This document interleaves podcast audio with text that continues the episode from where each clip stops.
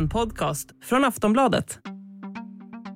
Infektionssäsongen är igång med full kraft. Det är väldigt mycket influensa som går och så lägg på magsjuka och RS-virus. De med barn i sin närhet känner nog igen sig. I år så har vabbandet varit rekordhögt redan under hösten. Annars brukar ju februari, eller vabruari, vara en månad då många är hemma med sjukt barn. Det är juletid och många som planerar ett firande tillsammans kommande dagar. Och I det här avsnittet ska vi ta upp och få tips på hur man kan tänka inför helgerna som kommer. Vi går lite bortom covid och fokuserar mer på andra virus som influensan. Hur länge kan ett barn vara smittsam efter att ha varit sjuk? När går det bra att träffa mor eller farföräldrarna? Vi reder också ut vad det är som går just nu och varför det är så många sjuka barn på akuten nu jämfört med förra vintern. Du lyssnar på Aftonbladet Daily. Jag heter Amanda Hemberg Lind. Vi ska få ta del av en läkare och epidemiologs kunskap om ämnet idag.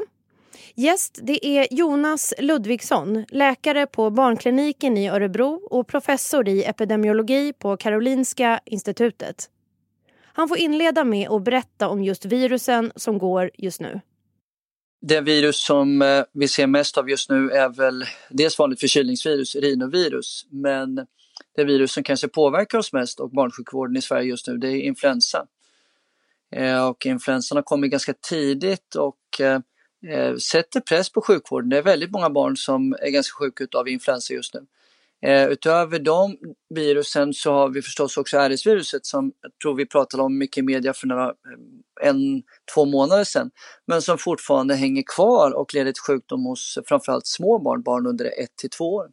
Och sen till sist så har vi också vinterkräksjukan, så kallat kalicivirus, eh, där den vanligaste sorten är väl norovirus. Så det är ett gäng virus som kommer väldigt mycket nu eh, när vi öppnar upp samhället eh, och ehm, Ja. Hur drabbar det här, om vi tar då säsongsinfluensan, hur, hur drabbar det barn? De typiska symptomen är att barnen har eh, hög feber. Eh, ofta är det de allra minsta barnen som har högst feber faktiskt. Eh, man får eh, ont i huvudet, man får ont i kroppen, man kan bli väldigt, väldigt trött. Eh, och sen äter barn också sämre då förstås. Det gäller ju också vuxna. Jag brukar säga till föräldrarna som kommer med ett barn som har influensa där barnen inte äter att när du själv är riktigt sjuk, det är ju inte då man beställer en capricciosa.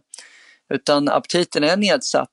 Sen har barnen ofta kanske snuva, hosta och lite ont i halsen. Men det är symptom som ibland försvinner i den här febern, ont i huvudet och ont i kroppen. För de symptomen är så starka. Liksom.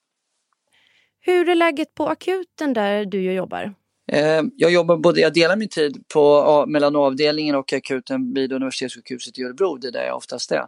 Eh, och vi har en hög belastning på eh, akuten på grund utav framförallt influensa och andra luftvägsinfektioner. Men jag tycker kanske att det var ännu värre för en till två månader sedan när vi hade mest RS-virus. Men det är fortfarande en hög belastning och vi är många som jobbar hårt, det är ont om vårdplatser, Eh, och alla sliter för att, för att vi, vi, vi ska få ordning på det. Men det är ju fler barn som blir väldigt sjuka och, och läggs in då den här vintern än förra. Varför är det så? Jag tror att det kan bero på ett par olika saker. Den viktigaste faktorn är nog att det är så många fler som är sjuka just nu än inte minst förra vintern när eh, vi hade väldigt få infektioner i Sverige bortsett från just covid. Och det berodde ju på att vi höll oss hemma, vi tvättade händerna, gick inte till jobb eller skola om vi var sjuka. Och då hade vi få andra infektioner eh, bland barn i Sverige. Eh, då tappade barn en del immunitet, en del så säga, motståndskraft mot infektioner. Och nu när infektionerna slår till med full kraft så är det många som är känsliga och då blir det många som blir sjuka samtidigt. Men sen har det ju spekulerats i att den influensavirusstam som vi ser i år eh, kanske är lite mer aggressiv än, än vanliga år. Eh, det här är inte ett sånt liksom pandemiår ur ett influensaperspektiv. Det såg vi ju vid spanska sjukan eller man hade svininfluensa 2009-2010. Men varje år skiljer sig lite grann vad gäller influensans svårighetsgrad och i år verkar det lite svårare. Men smittsamhet då, om vi går in på det. Hur länge är barn egentligen smittsamma? Går det att säga? Ja, men så länge de har mycket symptom och feber då är de alldeles säkert smittsamma och eh, barn, när det gäller influensa är barn till och med kanske lite smittsammare än vuxna. Så där kan de vara med och driva influensan. Ehm, allmänt så brukar vi väl säga att från det att man får sina första symptom så är man som barn ehm, smittsam i 7 till 10 dagar efteråt. Så har man då fått, eh, har man blivit sjuk, eh, säg efter den ja, 16-17 december, då kan man nog egentligen vara smittsam fram till julafton. Ja, du är inne på det. Den annalkande julhelgen då. Hur ska, hur ska man tänka med barn som har varit sjuka eller ja, är lite snoriga? Det beror nog egentligen på när de insjuknade och eh, hur mycket symptom de hade och hur länge sedan det är de har blivit feberfria. När det gäller dagis och skola så tycker jag man kan gå till dagis och skola när barnen har varit feberfria i mer än ett dygn om de är tillräckligt pigga för att gå till skolan. När det sen gäller att träffa farmor och farfar eller mormor och morfar, då tycker jag att man ska ha lite mer marginal. Eh, för de är ofta lite äldre och mer känsliga för influensa och kan bli helt enkelt eh, betydligt sjukare om de blir smittade. Så där måste man ha lite säkerhetsmarginal. Eh, så där tänker jag mig väl att man barnet bör nog ha varit feberfritt i ett antal dagar. Jag kan inte säga exakt men tre, fyra dagar i alla fall. Så har man feber den här veckan då tror jag att man ska vänta med att fira jul tillsammans till kanske mellandagarna. Då kan det vara kört alltså? Då kan det nog vara en dålig idé. Men barn är ju snoriga varelser kan man säga. De flesta vill ju göra rätt som föräldrar och så men, men det kan ju vara svårt att dra gränsen ibland eller beroende på när man ska säga nej, nu är det dags att vara hemma? Jo men absolut, så är det ju självklart. Men eh, jag tycker det viktigaste när det gäller influensa handlar väl om huruvida man är feberfri eller inte och då är det väl minst ett dygn och det får väl gärna gå två dygn också. Eh, när det sen gäller att träffa äldre människor som är extra känsliga till exempel, ja mormor och morfar, då bör man väl lägga på ytterligare några dagars feberfrihet innan man träffar dem för att minska risken att, att de ska bli smittade.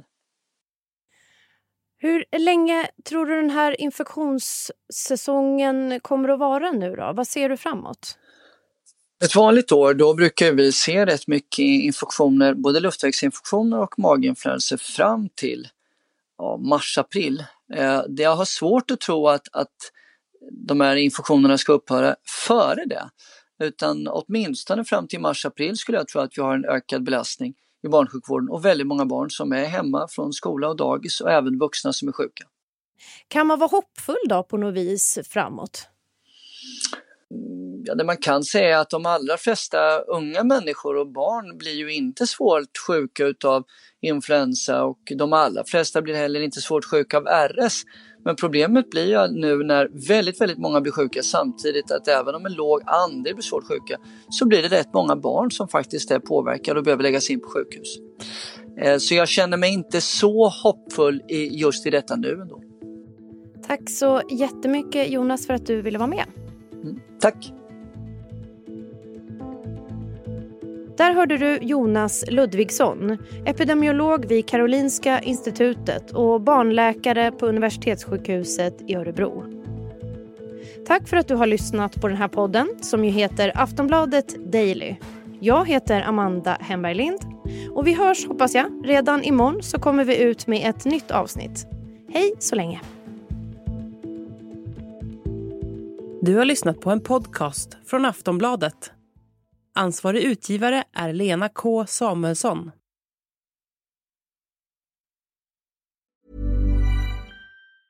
Life is made up of many gorgeous moments. Cherish them all, big and small, with Blue Nile. Whether it's for yourself or a loved one, Blue Nile's unrivaled selection of expertly crafted fine jewelry and statement pieces help make all your moments sparkle. Blue Nile's experts are on hand to guide you, and their diamond guarantee ensures you get the highest quality at the best price. Celebrate a life well lived in the most radiant way and save up to 30% at BlueNile.com. That's BlueNile.com.